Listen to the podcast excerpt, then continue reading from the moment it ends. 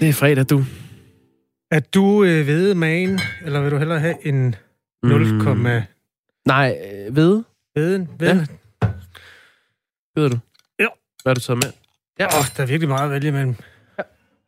Jeg kører den, den her lysblå.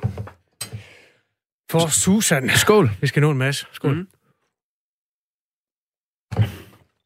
Okay. Uh. Den smager faktisk godt. Øhm, USA. Nå. Ja, USA. Der er fire dage til det amerikanske valg. Mm. De stemmer som aldrig før derovre. Og øh, en gruppe af dem, der stemmer rekord meget, det er jo de unge. Det er noget, noget af det, vi skal høre. Det er, en, det er en meget... Øh, det giver noget, var. Ja. Et par Carlsberg kommer på bordet, og pludselig bliver stemningen helt anden. Ja. Du, du har tændt for Radio 4 morgen øh, mm. på denne fredag med Kasper Habro og Jakob Grosen og Dagmar i Møstergaard, som øh, har nyhederne. Vi skal høre fra de der førstegangsvælgere i USA. Dem hører vi fra lidt over halv syv. Ja, lov for det, mm. kan man sige. Ved du hvad, øhm, Kattegatbroen er også til debat. Broen, der forbinder Jylland og Sjælland. Det gør den ikke, men det gør den, når den kommer, hvis den kommer. Øhm, debatten har stået på, hvor den skal ligge, hvis den skal ligge overhovedet. Og der har man øh, fra Sund og Bælt side taget et forslag af bordet, og dermed peger pilen rigtig grundigt på et andet forslag. Og det har naturligvis fået de mennesker, der pludselig kan blive naboer til en gigantisk bro og en hel masse biltrafik til at råge vagt i gevær. Og den skal vi høre fra lidt senere i Radio 4 morgen. Så er der en kødfri dag. Ja, eller to. Det 85.000 medarbejdere skal spise vegetarisk to gange om ugen, mens de er på arbejde, hvis det står til regeringen. Det er en del af, af den nye grønne strategi for offentlige indkøb, hvor der skal købes noget mindre kød og flere grøntsager på menuen i alle kantiner på de statslige arbejdspladser hvis det vel at mærke altså står til Socialdemokratiet. Det er en debat, vi tager. Altså, skal øh, det offentlige have to kødfri dage? Anne Paulin fra Socialdemokratiet stiller op i det ene ringhjørne over for Morten Messerschmidt i samme vægtklasse for Dansk Folkeparti. De her bajer, ja. de, jeg kan mærke, de gør noget ved og vores adfærd. Allerede det, at fænomenet øl finder vej til vores hænder, mm. får os til at opføre os en lille smule mere løsluppen, ja, det lidt mere laissez-faire. Der er ikke en krumme alkohol i den her. 0,0 hedder den. Mm, der er faktisk 0,5 i min. Men den er alkoholfri, står der. Ja. Det er jo det, der er hele historien. Det har du faktisk. Hele øh, Radio 4 morgen. Jeg troede, det var traileren til filmen Druk, jeg lyttede til, at der er en, der skrev på sms'en. Øh, Bo spørger, om det er resterne fra aftenens fødselsdagsfest, der skal tømmes. Du havde fødselsdag i går. Jeg drak ikke en skid i går. Jeg, det, det er de her morgenvagter, de ødelægger mit liv. Jeg var simpelthen fuldstændig total, øh, jeg ved hedder det, appelsinfri. Ja. Øh, derfor er det jo egentlig for sig en lettelse at få en øl. Men, Men du er øh, sådan, sådan set stadigvæk sober. Ja, det, er, det kan jeg love. Det jeg også kan love, det er, at vi skal tale med øh, ja, for både dem, der øh, står bag bajerne, og også dem, der øh, står med det ene ben i øh, alkoholismen stadigvæk. Selvom man er tørlagt alkoholiker, så vil man jo gerne leve et så normalt liv som muligt. Og der spiller de her 0,5'ere faktisk øh, folk rigtig meget pus. Og øh, jamen, det har både nogle sundhedsmæssige og så nogle adfærdsmæssige øh, problemer med sig, som vi vender med en eksalkoholiker lidt senere. Ja, vi øh, har jo blandt andet, øh, der er både organisationer og politikere, der vil ændre de her regler om, øh, hvornår man kan kalde noget for alkoholfrit. Øh, Forbrugerrådet Tænk, vores seniorrådgiver for Fødevare, Camilla Utsen, sidder. Hun, øh, hun siger sådan her om den sag et eller andet sted er der jo en risiko for, at forbrugeren kan blive vildledt til at tro, at det, at det er helt fri fra alkohol, som, som navnet jo antyder. Der er jo også sket en kæmpe udvikling i, altså i produktionsmetoderne hos bryggerierne. De er blevet meget bedre til at producere dem her, og derfor tænker vi, at det mås- måske kunne være, være relevant at se på den her grænse igen, om der var basis for, for at sætte den ned. Det kunne der være basis for.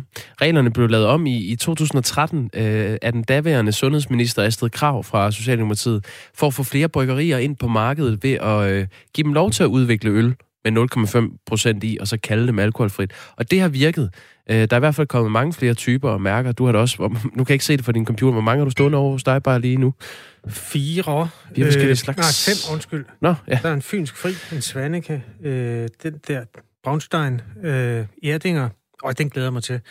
Og Tuborg 0,0 hedder den. Vi har haft en reporter på øh, Popcrawl, og øh, der er flere ude på, på barnet, som er i tvivl, eller i hvert fald ikke ved, øh, at der må være op til 0,5 procent i, når man kalder det alkoholfrit. Hvor meget alkohol er der i den? Jamen, der skulle gerne være ingenting, 0 procent. Der skulle i hvert fald gør det ikke? Jo, men prøv at læse længere ned. Nå for søren. Det var da lidt en snyd. Hvad står der der? Jamen, der står øh, 0,5. Men kan man ikke også godt forvente, at man som forbruger lige kigger bag på etiketten og læser det med småt? Jeg gør det ikke. Er det her misvisende, eller er det rimelig let at regne ud, at der må være op til 0,5 procent alkohol i en alkoholfri øl? Det vil vi gerne høre din mening om. Skriv ind 14 24 er som altid nummeret R4, begynder du med, et mellemrum, og så øh, dit svar på, om, hvad du mener om den sag. I øvrigt vil jeg også gerne høre, hvis du har en holdning til det med de kødfri dage i det offentlige. SMS'en er jo altid åben i det her radioprogram. Nu er klokken 11 minutter over 6. Den her morgen skal vi også samle op på øh, flere udlandshistorier, og et af de steder, hvor det koger lige nu, det er Frankrig. Frankrig er ramt af en ny Mohammed-krise, grænsende til religionskrig. I Mellemøsten og andre religiøse samfund, der bliver franske varer simpelthen fjernet fra hylderne, og dødelig terror er næsten blevet hverdag, endda på fransk jord. Øh, I går blev tre mennesker slået ihjel i en kirke. I byen Avignon blev en bevæbnet mand skudt og dræbt af politiet, efter han troede forbipasserende. Og det er jo altså bare to begivenheder, der lægger sig i slipstrømmen af en lang række. Dyveke Vestergaard Johansen hjælper os tit med at forstå, hvad der sker på fransk jord. Godmorgen, Dyveke. Godmorgen. Folk i Frankrig har prøvet en hel masse inden for terror, og nu banker det på igen. Hvordan påvirker ja. det de mennesker, du har talt med? Altså man kan sige, det her øh, terrorangreb i går i Nice, øh, det påvirker jo særligt de franske katolikker, der er rigtig hårdt ramt. Øh, I går der ringede alle kirkeklokkerne kl. 15 for at mindes de tre dræbte. Og det her har meget stor betydning i Frankrig, at det her øh, terrorangreb, det skete inde i en kirke. Øh, det sender chokbølger igennem landet. Og som en, jeg synes, en fransk politiker sagde det meget godt, at øh, det er jo folk, der var ved at bede en bøn der er blevet dræbt. Og så påvirker det her jo selvfølgelig også øh, særligt Nice, øh, som øh, er stærkt berørt af de her frygtelige terrorangreb. Og jeg ved ikke, om I så billederne i går fra Nice, men, men det er, Nej, altså, folk er, altså, er dybt berørt af det, og, og der var øh, sørgebegivenheder foran kirken, og Altså fordi det er en by, der jo tidligere har været ramt af angreb, øh, mm. og det er jo ikke mere end, end fire år siden, at over 80 mennesker døde, og næsten 500 blev såret på Promenade des Anglais i Nice. Øh, og, og på den måde kan man sige, at, at det er sådan stemningsbeskrivelsen af, hvad, hvad der skete i går. Så skal jeg lige øh, øh, supplere i forhold til, til øh, altså angrebet i Avignon. Det faktisk viser, at det ikke er et terrorangreb. Øh, den her mand, der er troet politi og, og, og, og forbipasserende, har intet at gøre med islam, og han, øh, altså, han er nærmere en person, der havde psykiatriske problemer, okay. og det ser ud til, at han var tæt på det ekstreme højre. Øh, så det angreb, det efterforskes ikke som et terrorangreb. Okay, Øhm, jamen, det er sjovt, at det kan være en lettelse, men det er det på en eller anden måde lidt alligevel, tror jeg. Øhm, angrebet i Nice fandt sted omkring kl. 9 i går i Notre Dame-kirken ja. i nærheden af centrum af Nice. Der var to kvinder og en mand, der blev dræbt ved knivangrebet. Og fransk mm. politi har været ude både at fortælle om et af offrene. Det var en 44-årig brasiliansk kvinde. Hun var mor til tre. Det var forfærdeligt tragisk, næsten uanset ja. hvem der dør, men det der, det er jo, helt, det er jo ikke til at bære. Øh, gerningsmanden blev såret af skud, og han er indlagt, og der er øh, alt er klappet af. Det er et regulært terrorangreb. Er der kommet noget frem om netværk i forhold til de terrorangreb, som der jo er hist og pist i øjeblikket? Der frygter man jo lidt, at der er sådan en, en større maskine, der kan gå i gang. Er der, ved du noget om det? Altså, der er ikke kommet noget klart frem om, om, om der er et netværk i forbindelse med det her øh, angreb i Nice. Altså, øh, det er jo kommet frem, øh, øh, at man, altså, man har fundet i et identitetspapir på gerningsmanden. Man mener, det er en Ibrahim A. Der kommer en ung mand, der kommer fra Tunesien og for nylig er kommet ind i Europa. Men der er en masse huller i hans vej ind i Europa, og, og, og hvor han er opholdt og så, så, så videre. Men det er klart, at analysen af Frankrig nu er inde øh, øh, i en periode, hvor det er terrormål for islamister, siden den her retssag mod øh, Charlie Hebdo-terroristerne startede i september. Og det har jo særligt accelereret siden øh, Macron her ved den her minihåndtidlighed for, for Samuel Paty, altså den her lærer, der blev halshugget den 16. oktober. Han holdt jo fast i til den mindehøjtidlighed, at Frankrig blev ved med at tillade karikaturer. Ikke? Mm. Og så har vi haft, som jeg også nævnte i starten, altså sagen med Erdogan og andre, der har været ude efter Macron, altså franske varer, der bliver boykottet i muslimske lande. Ikke? Og i øh, søndags opfordrede al-Qaida sine tilhængere til at, at udføre individuelle angreb mod Frankrig. Øh, så altså, da Macron udtalte sig i går, der lagde han ikke skjul på, at man, at man ser en sammenhæng altså, øh, i motiverne til de her angreb, men, men man har ikke noget præcis samme altså, bevisbyrde i den her sag, men det bliver jo efterforsket som en terrorsag. Si nous sommes attaqués, une fois encore, c'est pour les valeurs qui sont les nôtres, pour notre goût de la liberté, pour cette possibilité sur... Vi bliver angrebet på grund af vores værdier, fordi vi har smag for friheden, smag for de muligheder, der er med religionsfriheden i vores land, og vi giver aldrig efter for terror. Og jeg siger det tydeligt igen, vi overgiver os ikke, siger Emmanuel Macron, eller sagde han i går. Øh, Dyvik, øh, Frankrig har jo gennem sin nyere historie haft en masse livtag med den mm. islamistiske verden. Hvordan passer det her ind i tidsrækken? Altså, er det her nogle enkelstående ting, eller er det noget dybere, en del af et større billede?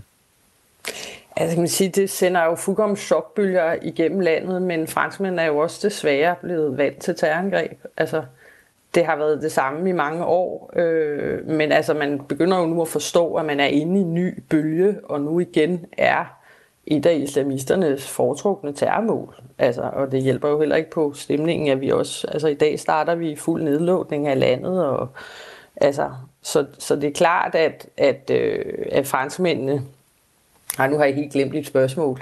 Jamen, Nå. det er i virkeligheden også prøver bare den der historiske maleri, som, jamen, det, det, det skal du ikke undskylde, fordi det er jo ikke noget, vi har talt om, men jeg synes bare, det er også ja. en færre association, at der er jo helt tilbage til den algeriske borgerkrig, og alle mulige ja. steder i den franske historie har du været det der livtag med, hvad skal man sige, det religionsfrie mod det stærkt religiøse, ja. og det er jo der, det, det, her, det, det passer ind i en eller anden form for billede.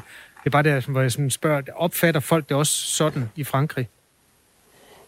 Ja, altså de kan jo godt se, at altså, altså man kan sige, det her med, at det deres værdier, han understregede i går meget, øh, altså øh, Macron, at, at vi bjerger, altså værdierne handler jo også om, at man har religionsfrihed i, den, øh, i Frankrig, mm. øh, og, og, og at det er det Frankrig, og de værdier Frankrig bliver angrebet på, og det er jo derfor, han også så, så, så fint siger, at det giver vi altså ikke efter i, altså for det her pres. Øh, men det er jo klart noget, men franskmænd er vant til det, øh, desværre jo. Altså, for det er jo frygteligt at leve med i et samfund, at, at, at det er sådan her. Ikke? Altså. Man på dig selv, Dyvekø Vestergaard Johansen. Øh, øh, journalist, bosat i den franske hovedstad Paris. Øh, præsidenten har udtalt, at øh, han vil mere end fordoble antallet af soldater, så der fremover kommer til at være ca. 7.000 militærfolk, øh, som er på gaderne for at beskytte mod angreb. Altså 7.000 militærfolk. Vi kan jo sige, at øh, når sådan noget sker, så øh, er der mange, der øh, går på de sociale medier og støtter op, eller mener et eller andet.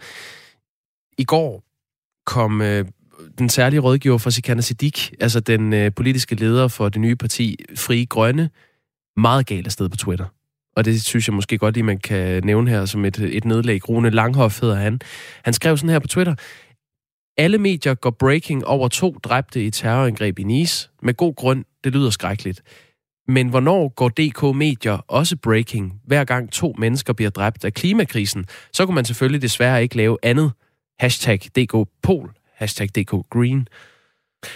Altså, øh, den efterhånden kendte politiker Sikandar Siddiq har en rådgiver, som øh, følger med i nyhedsstrømmen og opdager nyhederne. Ja, gul bjælke på grund af angreb i Nice, og det synes han er lidt irriterende, fordi der ikke er nogen, der går i gul bjælke over klimakatastrofen. Ja, han så en mulighed for lige at få den grønne dagsorden på banen igen, og nogle gange så, øh, så skal man lige holde hesten, når man ser sådan en mulighed, synes jeg. det er stedet usmageligt. Han, øh, han skriver selv i sin øh, bio, at han er grøn ekstremist. Nogle gange skal man så. holde sin kæft, uanset hvilken farve man har. Og det der, når der er to mennesker, der er døde af terror, så er det et af de øjeblikke. Men det er jo også et, et spørgsmål om, hvordan definerer man breaking? Fordi der var heller ikke breaking, da et flygtningeskib øh, kendrede og sendte hundredvis af mennesker ned i dybet i døden omkring kan ikke huske, om det var ved Senegal, det sank i går. Mm. Der er nogle ting, som man har vendet sig til, og det er vel det, der også er en... Ja, uanset hvor tragisk det er. Altså... Det er det vel også, når, øh, når medierne lugter en historie, som kan give nogle kliks. Altså, det er et par år siden, at vi kunne følge hele den der... Øh, et, et thailandsk fodboldhold i en grotte, der var ved at, at, at blive oversvømmet. Det er rigtigt. Over en hel uge fyldte det jo alt i danske medier. Ja. Ja, det er rigtigt. Der er man... sådan en associationsrække også, kan man sige, på det der. Altså, der er noget nærhedsprincip. Hvad, hvor føler vi historien mest? Ja, sådan er det jo. Nå. Men uh, at, at, bliver han banket? Det plejer man at blive på Twitter. Han bliver fuldstændig pillet fra hinanden på Twitter, så uh, noget kom der ud af det. Uh, Arne skriver ind, alle intelligente og voksne mennesker ved, at der må være op til 0,5% alkohol i en alkoholfri øl, og det står på emballagen. Noget tyder på, at nogle curlingbørn er blevet voksne og stadig ikke kan handle rationelt og fornuftigt. Man skal holdes i hånden af forbrugerrådet Tænk, nok fordi de ikke kan læse eller tænke selv. Med venlig hilsen Arne. P.S undrer mig over, at mindst en af jer ikke drikker Harbo-pilsner. Ja, fedt nok, Arne. Øh, det gør vi ikke, fordi vi har ikke købt Harbo-pilsner. det er sjovt, den, den, øh, den tone, der er i Arnes sms, det er sådan en meget mandet en. Hvis man øh, i radioen gør sig skyldig i at, at ikke vide noget, som en, en mandlig lytter ved, så kan man godt få den der type svirper. Meget sjældent kvinder skriver sådan nogle sms'er. Det er mansplaining. Ja, det kan godt være. Nå, men grunden til, at han skriver ind, det er jo, fordi vi behandler det her, om det er misvisende, at der må være op til 0,5% alkohol i en alkoholfri øl. Jeg sidder og drikker en med 0,5 i, du har en med 0,000. Mm.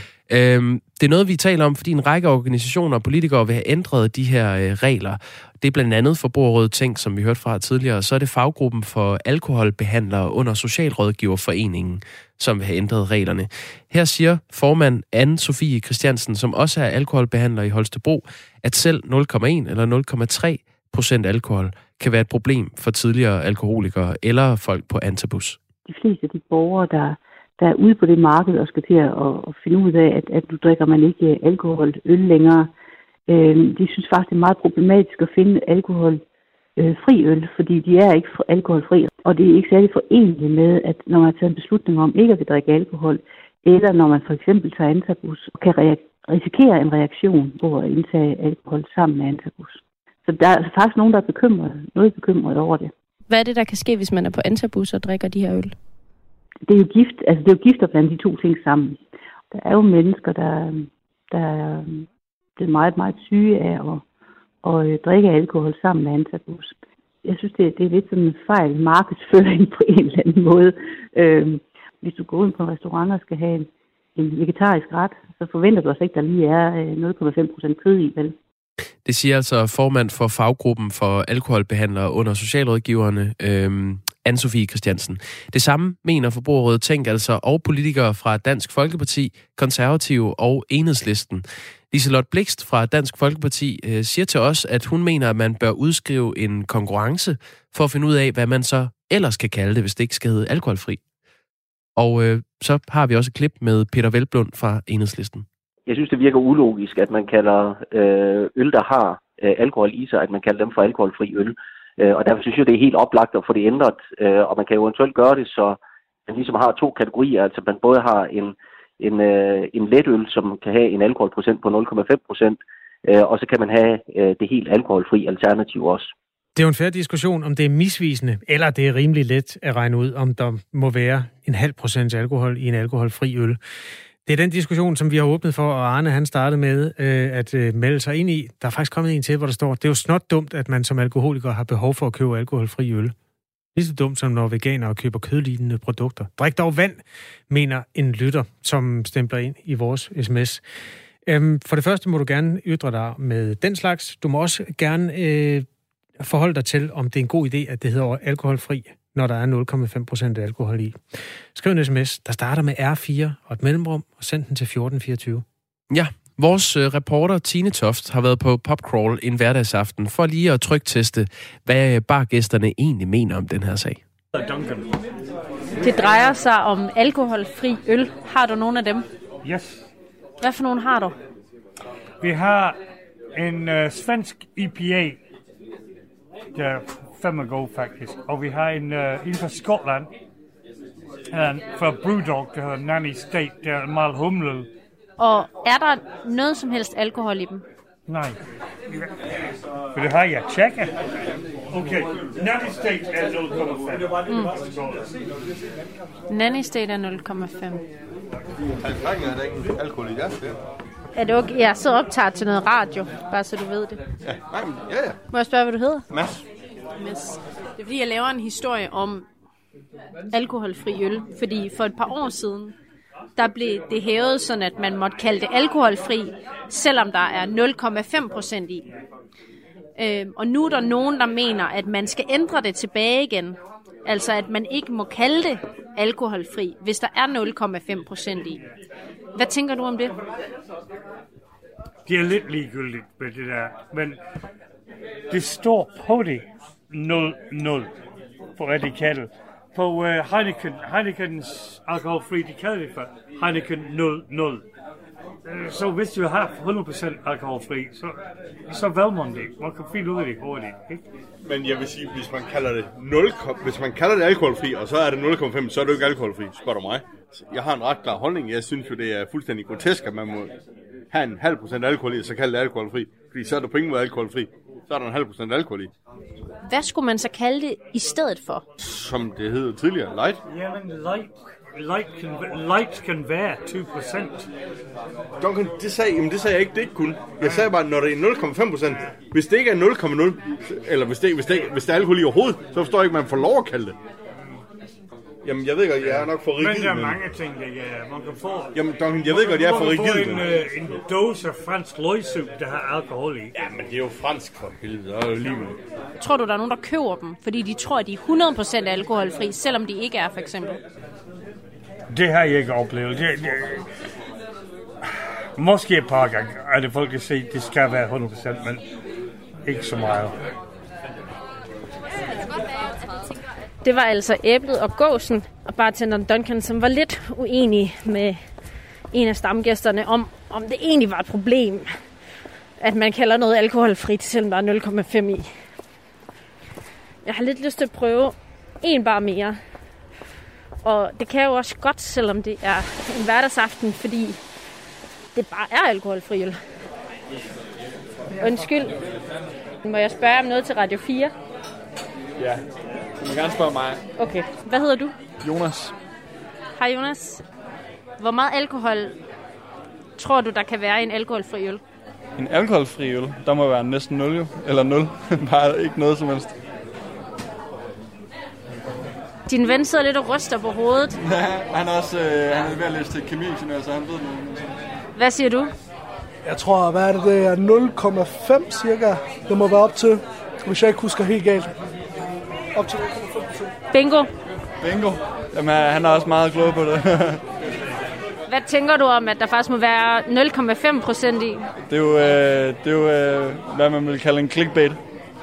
Clickbait? Ja, altså, det, det, er, det er jo lidt øh, løgn, kan man sige, når de siger, at der er alkoholfri, men så er der alkohol i alligevel. Det står typisk et eller andet sted på etiketten, at, at der er 0,5 i. Ja, det er med clickbait-videoer, der er også, når man så ser videoen, så opdager man faktisk, hvad det egentlig handler om. Altså, hvad skulle man kalde det i stedet for? Ja, bare kalde det øl med mindre alkohol i. Det er en lidt lang titel. Men en rigtig titel. Har du... Hvad siger du? Ansvarsfuld øl. light øl. Ja, light øl. øl light. Øl zero, men alligevel ikke. Så tror jeg gerne, jeg vil sige tak, fordi jeg må forstyrre på en højhellig onsdag, er det jo. Ja, det er en onsdag. Undskyld. Må jeg spørge dig om noget til Radio 4? Ja, sure. Øh, hvad hedder du? Ellen? Ellen, øh, du vil ikke tilfældigvis være købe en alkoholfri øl? Nej, ikke i aften. Men du har prøvet det? Ja, det har jeg. Hvad for nogen har du prøvet? Kan du huske det? Ej, det kan jeg simpelthen ikke huske. Den er blå. øhm, jo, den her. Nordic. Den her Nordic. Hvor meget alkohol er der i den? Jamen, der skulle gerne være ingenting. 0 procent. Der skulle i hvert fald gør det ikke? Jo, men prøv at læse længere ned. Nå for søren. Det var da lidt snyd. Hvad står der der? Jamen, der står øhm, 0,5. Så er det jo snyd. Men det kommer bag på dig? Ja, det gør det da. I forhold til, sådan, hvad de reklamerer med og så videre. Er det et problem, synes du? Det kunne det da blive for nogen.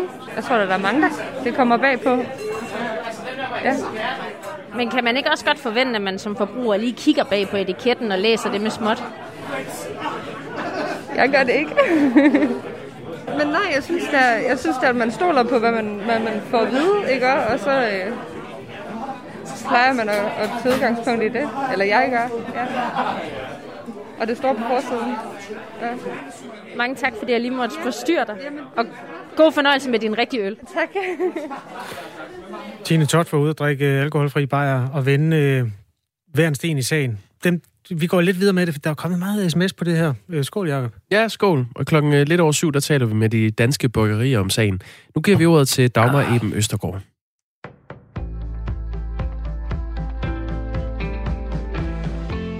Og vi fortsætter, hvor Radio 4 morgen slap for en række organisationer og politikere, de vil have ændret reglerne for de alkoholfri øl. Som det er i dag, så må der være op til 0,5 procent alkohol i en alkoholfri øl. Og det er blandt andre Forbrugerrådet Tænk, og så er det faggruppen for alkoholbehandlere under Socialrådgiverforeningen, der gerne vil have det her ændret. Formand anne Sofie Christiansen, der også er alkoholbehandler i Holstebro, siger, at selv 0,1 eller 0,3 procent alkohol kan være et problem for tidligere alkoholikere eller folk på antabus. Hun kalder de alkoholfri øl for falsk markedsføring.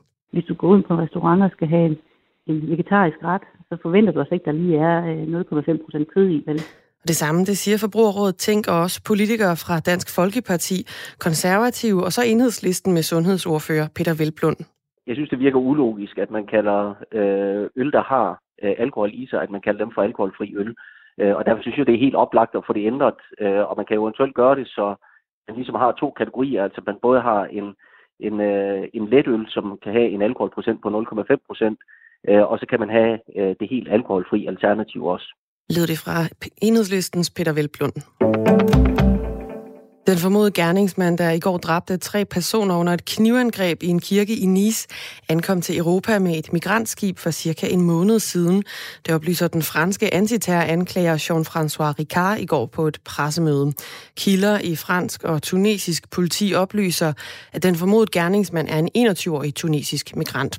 En talsmand for Tunesiens antiterrordomstol siger, at gerningsmanden ikke var på politiets liste over mulige militante islamister, og ifølge Ricard var den unge tuneser heller ikke i søgelyset hos det franske efterretningsvæsen. Antallet af nye smittetilfælde i USA nåede i går det hidtil højeste i løbet af en enkelt dag siden coronapandemiens begyndelse. Indtil videre så er der registreret knap 84.000 nye tilfælde i går. Det fremgår af en løbende opgørelse fra Johns Hopkins University, rapporterer CNN i net dansk tid. Siden virusudbruddet begyndte, der er næsten 9 millioner personer i USA blevet testet positiv for coronavirus. Heraf der er næsten 230.000 personer døde. Statsminister Mette Frederiksen er klar til at indføre nye restriktioner, hvis det bliver nødvendigt, skriver TV2. Jeg hører folk sige, at det her ikke er en farlig sygdom, det er bare en influenza. Regeringen overreagerer. Det er unødvendigt med den ene og den anden og den tredje restriktion. Lad os nu bare stå igennem, og vi må have flere dødsfald og flere smittede. Det er en måde at tænke på, som jeg ikke tror holder til, holder til en test i virkelighedens verden, siger Mette Frederiksen på et pressemøde på Marienborg i går. Statsministeren har netop deltaget i et virtuelt møde med de andre EU-landes stats- og regeringschefer, hvor de blandt andet diskuterede situationen med coronaepidemien i Europa. Jeg kan også se i Europa, at hvis man kommer for sent, hvad nogle lande gjorde i foråret, så vil man se mange flere smittede og potentielt også flere dødsfald, og det skal vi ikke se i Danmark, siger hun. I Danmark der trådte et udvidet krav om mundbind i kraft i går morges. Man skal nu bære mundbind offentlige steder som butikker, biografer og teatre, og så er det desuden også blevet forbudt for butikker at sælge alkohol efter kl. 22. Vi stod op til en dag, der bliver overskyet også med regn, og i løbet af morgenen her, så kommer det til Vendsyssel og til Nordøstjylland, og eftermiddag, der rammer det Bornholm. Temperaturerne, de lander mellem 10 og 14 grader, og vinden den bliver let til frisk ved kysterne stedvis op til hård vind.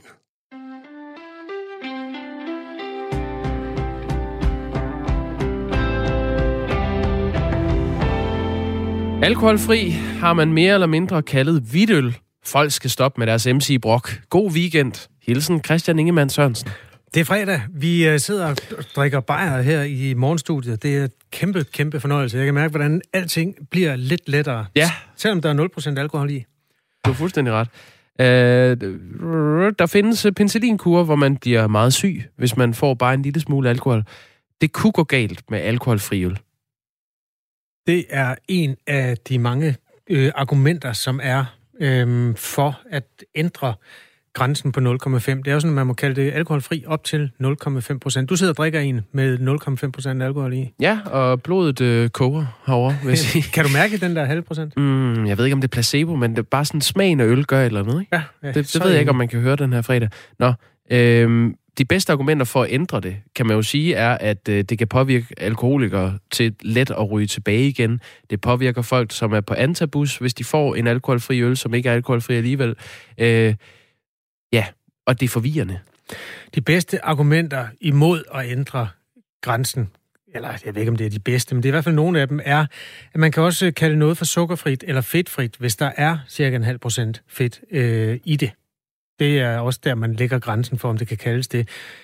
Der er også, at, altså, som flere lytter er inde på, hvis du er allergiker, så er du også i en situation, hvor det er din egen opgave at læse det med småt. Og det kan man måske overføre også på nogle typer af medicinbrugere. Ja, øh, to sms'er jeg har lyst til at tage. Alkoholfri øl skal være uden alkohol, som navnet antyder. Simpelt. Peanut-allergikere kan heller ikke tåle 0,5% peanuts, lige så vel som tidligere alkoholikere ikke kan tåle 0,5% alkohol. Og så er der den fra Kim. Vil du, eller skal jeg? Det synes jeg, du skal. Jeg sidder bare og drikker. ja, okay, men fint. Jeg tror, Kim han sidder og snuser ind øh, på førersædet af sin bil. Øh, correct me if I'm wrong, Kim. Men han skriver, øl uden alkohol er som en BMW uden motor.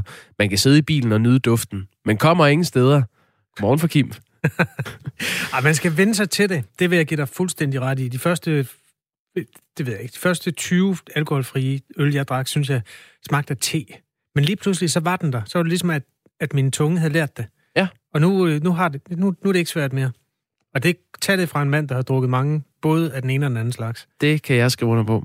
Klokken er 23 minutter i syv. Du lytter til Radio 4 morgen, og nu skal det handle om øh, valget i USA, hvor der stemmes i disse dage som aldrig før. I Texas har for eksempel 95 procent af det samlede antal amerikanere, der stemte for fire år siden, allerede sat kryds, øh, nu hvor der er altså fem dage til valget. Det tyder på, at det er enormt vigtigt for folk at få sat kryds den her gang. En af de grupper, der stemmer rekordmeget, er førstegangsvælgerne, altså de unge. Og dem har Anne Alling talt med. Godmorgen, Anne Alling. Godmorgen. Og skål. Ja, ja tak. skål. skål øhm, og ja, undskyld, vi, vi prøver at holde tungen lige i munden midt i det her. Det er selvfølgelig en alvorlig sag. Øhm, altså, Anne Alling skal jeg sige til nylytter. Vært på amerikanske stemmer, Radio 4-programmet, som kommer om fredagen her på kanalen. Øhm, hvad er det, der gør, at de unge i USA synes, det er vigtigere, end det plejer at være at få stemt?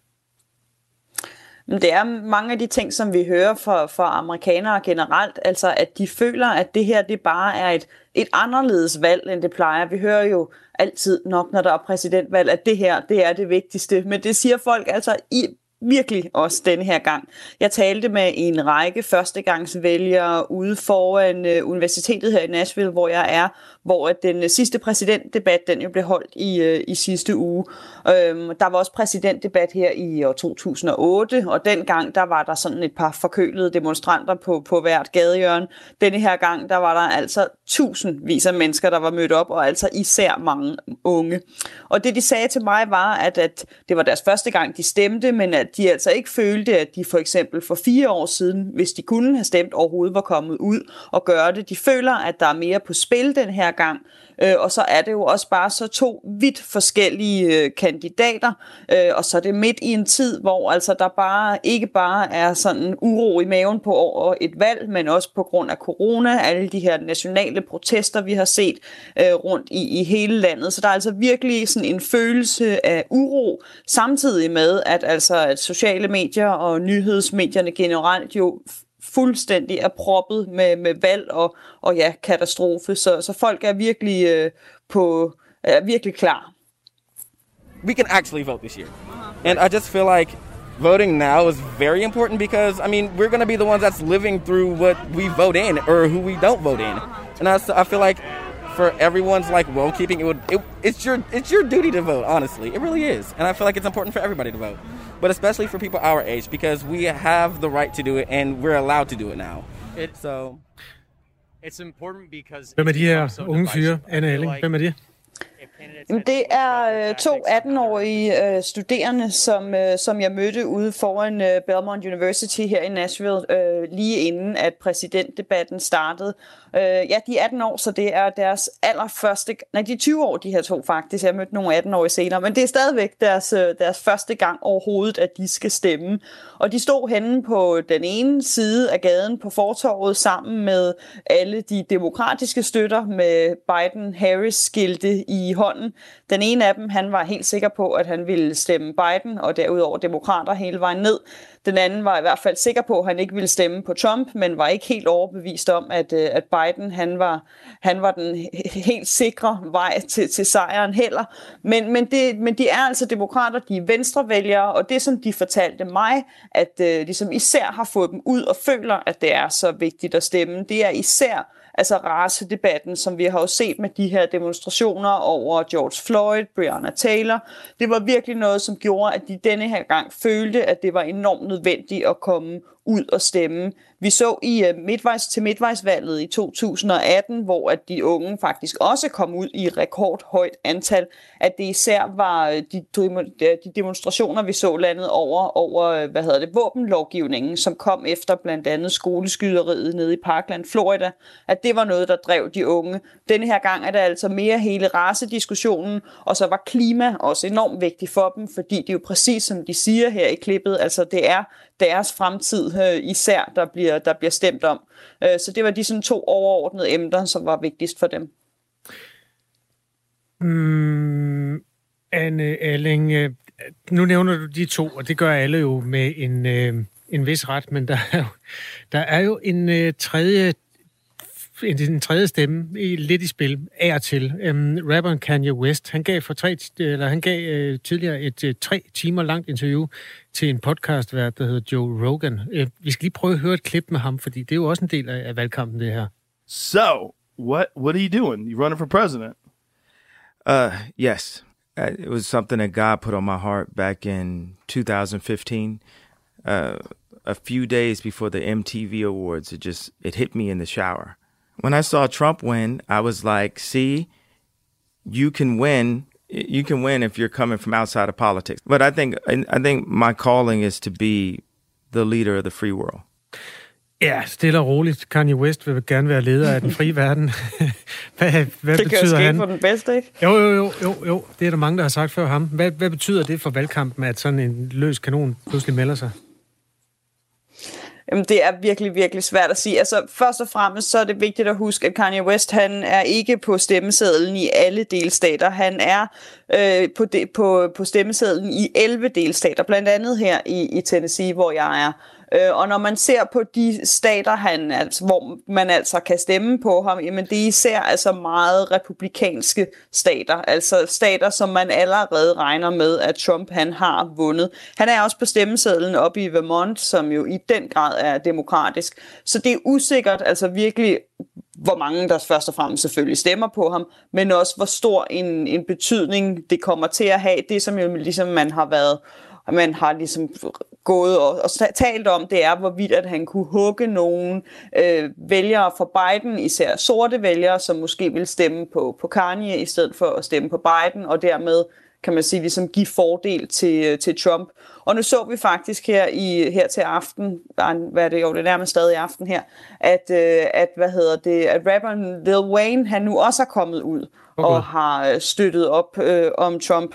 Øh, og det han taler om er, er, ligesom, øh, er ligesom, hvad hedder det, Kanye også taler om fængselsreform, men så taler de i hele taget om det her med, at det altså ikke skal være sikkert for demokraterne, at de har vundet øh, de sorte stemme, som, øh, som Kanye West han siger, så er det racistisk i sig selv at sige, at bare fordi man er sort, så skal man stemme på, på Biden.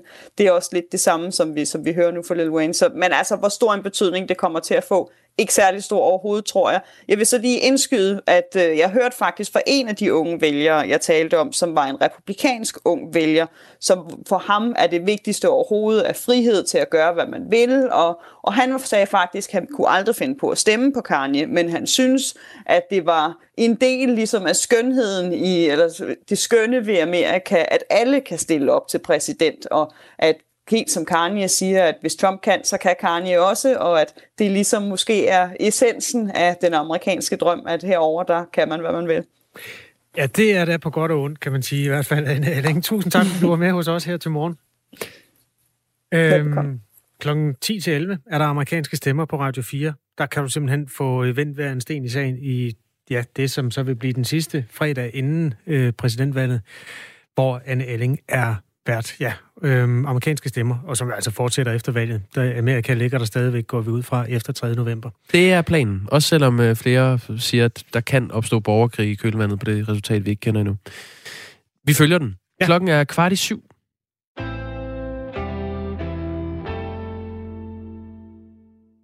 Dansk forskning har øh, slået fast, at coronavirus kan skjule sig for immunforsvaret, og det giver faktisk øh, svar på nogle af de spørgsmål, man har gået og bakset lidt med i forhold til corona. For eksempel, hvordan kan man øh, gå rundt og være smittet med covid-19 uden at have symptomer? Og smitte videre, selvom man ikke har nogen symptomer.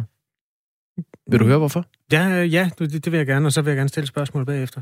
Nå, jamen, øh, det der sker er, at coronaviruset kan skjule sig for immunforsvaret, og derfor går immunforsvaret ikke ind og øh, opdager viruset og sætter gang i en proces med at bekæmpe det. Og det gør så, at man ikke har nogen symptomer. Det er derfor næsten ikke løber, og, og du ikke hoster og så videre? Ja, når man ikke gør det. Og okay. i nogle tilfælde, så kan det også ramme med som en øh, hammer. Lige pludselig, så får man symptomer, hårde symptomer. Det er så fordi, at immunforsvaret pludselig opdager, at der er noget i gang, som har spredt sig i hele kroppen. Immunforsvaret er nogle gange ven og nogle gange fjende. Ja, det er jo, ja, det er det jo. Ja, okay. Altså primært vores ven, ikke? Ja. ja, det må vi gå ud fra. Hvad så med den der risiko for at blive smittet anden gang? Har du noget at sige i den kontekst? hvad med vaccinerne? Øh, ja, det er sgu et godt spørgsmål. Vi, øh, vi kan jo spørge, vi, vi har faktisk øh, en forsker med, som står bag det her projekt. Det er Rune, Rune Hartmann, institu, øh, hvad han?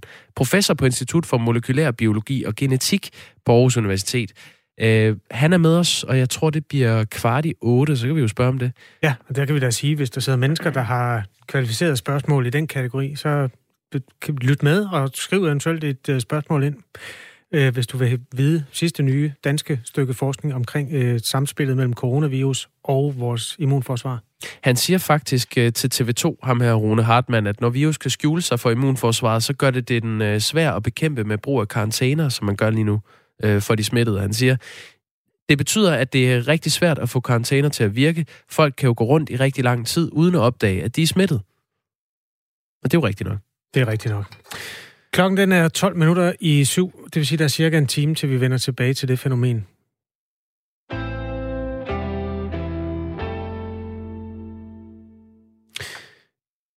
Nu vender vi tilbage til øh, et forslag fra regeringen, som handler om, hvorvidt øh, de statslige arbejdspladser, øh, kantiner i, i Danmark, skal have to kødfrie dage om ugen. Paul, han øh, skrev ind, øh, han skrev, Godmorgen, angående Socialdemokratiets forslag. Tvungen mundbind og selleri i kantinen, det lyder festligt. Ja. Denne hilsen, Paul. Paul er fredagshumør. øhm, det her, det er... Øh, altså, selleribøffen skal erstatte hakkedrengen, linse bolognese, øh, trumfer og kødsovs osv., hvis det står til regeringen. Og det er en del af en ny grøn strategi for offentlige indkøb, som øh, kommer til at gælde for 85.000 medarbejdere på statslige arbejdspladser i, øh, i hele landet. Statslige arbejdspladser er jo altså underlagt en eller, grad en eller anden grad af statslig styring, og så er der samtidig nogle kantinebestyrer, der har et felt, de kan operere indenfor. Og på den måde er det jo et, et hidtil udhørt stykke topstyring, hvis man går ind og lægger det filter ned over deres hverdag, at øh, du har en kødfri dag om ugen. Jeg er ja. helt sikker på, at alle mennesker, der har den der frihedskamp iboende deres, øh, deres øh, blodceller, vil i øh, den type diskussioner også stemple ind. Det kan man jo ikke gøre på sms'en, ligesom Paul gjorde. Det kan man. 1424 nummeret er 4 efterfuldt af et øh, mellemrum, og så din øh, kommentar eller dit spørgsmål. Vi kan sige, at, at det offentlige Danmark øh, årligt køber ind for 380 milliarder kroner og det er altså den klump, som udleder 12 millioner tons CO2 årligt, og det vil regeringen gerne øh, have bliver grønnere. Udover de her kødfri dage, som altså er på bordet som et forslag fra regeringen, så foreslår øh, Socialdemokratiet også, at alle offentlige indkøb bliver miljømærket, at alle offentlige køretøjer, med undtagelse af det, der kaldes operative køretøjer, det er for eksempel ambulancer, om 10 år er øh, emissionsfri, og at staten skal betale klimakompensering for alle statslige øh, flyrejser. Det her forslag med øh, to kødfri dage, det gælder for alle styrelser og ministerier, men også for politistationer og kaserner. Og udover at der skal være to kødfri dage, så er der også et krav om, at man kun må servere okse- eller lammekød en gang om ugen, fordi det er nogle af de øh, tungeste klimasyndere. Nu har vi to politikere legnet op. Anne Paulin er klimaoverfører for Socialdemokratiet. Godmorgen. Godmorgen. Morten Messersmith er klimaoverfører for Dansk Folkeparti. Godmorgen. Godmorgen. Vi lægger ud med dig, Morten Messersmith. Øh, du har kaldt det her forslag for noget pjat. Men ja. CO2-udslippet fra de offentlige indkøb udgår, øh, udgør årligt 12 millioner tons om året. Hvorfor er det noget pjat, at den danske stat vil gøre en indsats for miljøet på frokosttallerkenerne? Ja, altså for to årsager. At øh, for det første, hvis man ser på den lille del, der har med selleribøfferne og linserne og rockersalaten her gør, så er det jo nærmest umådeligt lidt, øh, vi taler om i CO2. Og hvor meget skade det kunne vi gøre, tror jeg, i forhold til arbejdsglæde og velvære på, på arbejdspladsen og sådan en almindelig frihedstrang, som vi taler om, til at det ikke skal være Nikolaj Vammen og andre folkevalgte, der bestemmer, hvordan man skal have sin frokostmenu øh, indrettet med måske arbejdsgiveren og eller andet i samarbejde med, med dem, der går på arbejde. Og så for det andet, fordi det jo er hyggeleri, altså at, øh, at sige, at vi skulle løse klimaproblemet ved at lade være med at spise øh, kød øh, to dage om, øh, om, om ugen. Altså, øh, enhver, der beskæftiger sig med det her område, ved godt, at det ikke handler om, hvor meget vi forbruger, men hvordan vi producerer det, vi forbruger. At det, det handler om, det er at omstille landbruget. Altså, vi taler heller ikke om, at folk ikke skal køre i biler længere. Vi taler om, at de skal over i emissionsfri biler, ikke sandt? Og det samme skal vi selvfølgelig gøre ind på landbrugsvarer. Vi ikke taler om, at folk ikke skal have lov til at spise kyllingelov eller et stykke hamburgryg, men hvordan vi laver grisen eller kyllingen på, med et mindre klimaaftryk. Hvor ved du fra, hvilken effekt det vil gøre, det her tiltag? Så du vil bare spørge Anna, det er, hende, der, det er jo regeringen, der har, har øh, lavet beregningerne. Det, det spørger han også om, om, øh, om lidt. Jeg tænkte bare, at du sagde, at det, det vil have en minimal effekt. Ja, fordi det er helt åbenlyst, at de her kantineordninger, jeg vil gerne tro, det er umådeligt. Så man prøver at spørge regeringen. Anne Paulin, du repræsenterer jo regeringen i den her sammenhæng, øh, klimaoverfører for Socialdemokratiet. Hvilken effekt vil det have, det her forslag? Jamen, det vil jo have den effekt, at man har nogle konkrete CO2-besparelser på, øh, på de måltider, som øh, så øh, i stedet for kød øh, bliver kødfri. Hvad er det for nogle besparelser? Øhm, hvor store er de? Jeg har ikke de konkrete øh, tal på lige præcis, hvor, hvor mange, øh, hvad kan man sige, øh, hvad hedder det, CO2-reduktioner, der kommer øh, ud af det her.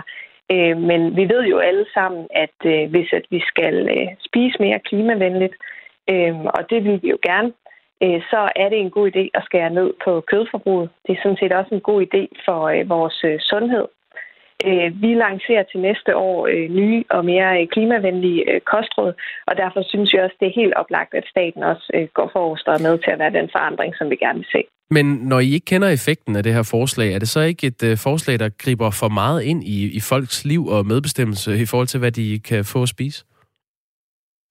Nej, det synes jeg egentlig ikke, det er. Øh, at kantinen er jo i forvejen en menu, kan man sige, som øh, det ikke er den enkelte, der har valgt lige præcis. Og øh, der er rigtig mange gode måltider, som man sagtens kan få uden kød. Det er bestemt ikke noget, som, som folk de dør af. Og jeg køber sådan set heller ikke argumentet om, at øh, øh der er nogen, som der for eksempel ikke vil få nok energi øh, af at øh, spise mindre kød. Der er jo for eksempel øh, folk, der vinder OL-medaljer uden at spise øh, kød, så selvfølgelig så kan man også få energi til at klare sig igennem sin, øh, sin arbejdsdag, selvom der er vegetardag i kantinen. Hvad siger du til det, Morten Messersmith? Man bliver, hvad man spiser, og man kan sagtens øh, blive stærk ved at spise selleri.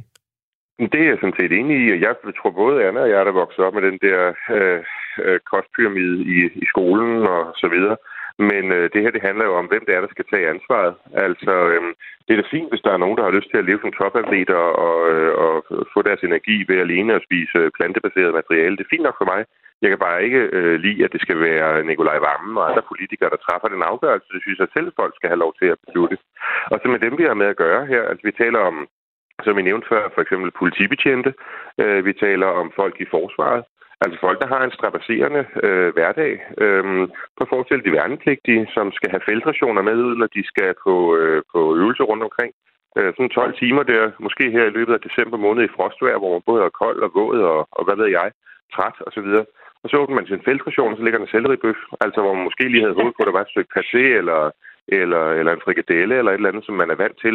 Lige til altså, den mad del, er jo også et spørgsmål om livsglæde. Ja, vi har en lytter, der hedder Jesper, øh, som bor i Fredericia. Han skriver, at det er lige meget med kødfri dage på kasernerne. Maden er i forvejen så elendig, at man ikke øh, frivilligt spiser der. Men rigtigt. Altså, den der ISS-ordning, som er lavet, den er simpelthen så, øh, så rærlig. Der er kommet 7.000 klager øh, over ISS øh, det seneste stykke tid, som øh, på grund af den måde, tingene kører på. Jeg har været se kaserner, hvor der øh, driver med mug ned ad væggene, og hvor der stinker af afføring, og jeg ved ikke hvad. Det er helt klart noget, vi skal tage fat i, så det har øh, spørgeren fuldstændig ret i. Mm. Men, øh, men, øh, men det ændrer bare ikke på, at Nikolaj Vammen skal ikke sidde og bestemme, om der skal være et øh, kyllinglov buffeten eller ej, hvis de værnepligtige har lyst til det. Hvorfor skal han egentlig ikke det? Altså, det er jo... Øh, nogle gange så kommer der jo forslag på bordet fra politikere om, hvad man skal spise. Og i 2018, der var det Dansk Folkeparti, der foreslog, at, at øh, daginstitutioner og folkeskoler skulle servere svinekød mindst en gang om ugen. Er det ikke det samme Mm. mm princip? Nej, det er det ikke. Altså for det første er det så de, øh, de, de kommunale institutioner, hvor der er foregået en fordrivelse af dansk øh, madkultur i mange kommuner, på grund af, at man vil tage hensyn til muslimerne, og det vil vi gerne så lave om og sige, nej, der er noget af dansk madkultur, det holder, vi, øh, det holder vi fast i. Så det handler om at holde fast i noget. Det, som Nikolaj Vammen og regeringen lægger op til, det er at, at fjerne noget. Og for mig er det det principielle i, hvem det er, der træffer afgørelserne. Altså, det er fint nok for mig, at øh, hvis man ikke vil spise en frikadelle ude i daginstitutionerne og så videre, så skal man selvfølgelig ikke tvinges til det. Det, jeg siger, eller vi sagde i forhold til, til daginstitutionen, det er, at det skal ikke være sådan, at daginstitutionen lader være med at servere frikadeller og svinekød for dem, der gerne vil have det, af hensyn til de få, der ikke vil have det. Anne Paulin, øh, I kender som nævnt ikke effekten af det her forslag om, at statslige ansatte ikke må spise kød i kantinen to gange om ugen. Så I ved heller ikke, hvor meget man kan komme til at vinde på CO2-regnskabet ved at, øh, at indføre det. Hvordan kan det her ikke ses som andet end symbolpolitik? Jamen, Der vil jo være en konkret besparelse på de måltider, som, øh, som man nogle gange spiser. Og så øh, er det selvfølgelig også vores håb, at det her det er også er noget, som der kan være noget til at inspirere til kantiner og andre steder også. For eksempel ude i kommunerne også, men jo også i private virksomheder, at der er nogen, der ser, at okay, staten går forrest her øh, med det her initiativ. Øh, det kunne man også godt prøve andre steder. Øh, jeg tror også tit, at grunden til, at folk de, vi spiser meget kød i Danmark, det er, fordi vi har sådan en meget traditionel op, øh, hvad hedder det, forståelse af en måltid til, at når det er noget kød, og så bygger vi op omkring kødet med noget tilbehør. Og det her, det vil jo også være en mulighed for at give folk noget inspiration til, hvordan man også kan spise rigtig lækkert, men øh, uden så meget kød. Så jeg tror, der er nogle rigtig gode sådan, øh, adfærdsmæssige effekter i det også. Men kan man ikke inspirere på andre måder, end at gå ind og sige, at man ikke må servere kød to gange om ugen? Jo, og det skal vi da også øh, gøre, og vi er jo heller ikke interesseret i for eksempel at brandbeskatte kød, sådan at det er noget, som man kun øh, har råd til, hvis man har meget høje indkomster. Vi er heller ikke interesseret i øh, generelle kødforbud eller lignende, men vi synes også, at staten har en, øh, en, øh, et ansvar for at gå for os, og det er uanset om vi snakker omkring det her med kosten i kantinerne, eller at få indkøbt nogle, øh, nogle grønne biler, eller sørge for, at vi køber øh, de rigtige miljømærker ind. Der Mm. synes vi, at vi har et ansvar, fordi vi har sådan en ambitiøs øh, klimapolitik i Danmark, så selvfølgelig så skal staten også gå forrest. Det skal gælde for styrelser og ministerier osv., altså gælder det også på borgen? Øh, når borgen er en selv, øh, hvad hedder det, selvejende institution, så vidt jeg forstår, men jeg kan forstå, at øh, præsidiet de vil diskutere det, øh, om man ikke også skal indføre det der. Og det synes jeg, der er helt oplagt, øh, når det nu er noget, som, som øh, vi går ud og foreslår, øh, at man skal have i de statslige institutioner, at vi så også får det i Folketinget. Morten Messerschmidt, du så får... ikke gøre det samme? Ja, hvorfor så ikke lade politiet selv bestemme? Hvorfor ikke lade forsvaret selv bestemme? Hvorfor ikke lade, lade fængselsvæsenet selv bestemme? Altså, hvis Folketinget selv må bestemme, hvorfor må alle de andre så ikke? Det er jo det, der er hele pointen her. Altså, det er jo et mageløst hykleri, at man sidder og siger til 85.000 statslige ansatte, at nu bestemmer vi, hvad det er for nogle buffeter, I skal indrette øh, helt ned i detaljerne. Ovenikøbet med så den der øh, vegetarideologi for at spænde for vognen sådan to ud af fem dage om ugen. Men Folketinget, hvor I selv kommer, nej, de må sandelig selv bestemme. Det finder vi lige en selvstændig ordning på. Altså, det har du lige 20 skriger jo- sekunder til at svare på, øh, Anne Paulin. Prøv at høre her, Morten. Jeg, jeg kan jo ikke lige ændre den konstruktion, som Folketinget øh, nu engang er. Det jeg siger, det er, at jeg synes også, det giver god mening, at man gør det samme i Folketinget. Jeg synes, det giver god mening, at man gør det samme på arbejdspladser øh, rundt omkring. Men selvfølgelig skal vi da bruge den kæmpe store grønne muskel, som øh, de offentlige indkøb kan være. Der er jo virkelig et stort potentiale her i, at hvis vi toner indkøb i, det, i staten øh, grønt og i det offentlige grønt, at så kan vi jo virkelig øh, være med til at rykke noget. Tak skal I have begge to. Anne Paulin, klimaoverfører for Socialdemokratiet, og Morten Messersmith, klimaoverfører for Dansk Folkeparti. Selv tak. Der er nyheder med Dagmar Eben Østergaard klokken er syv.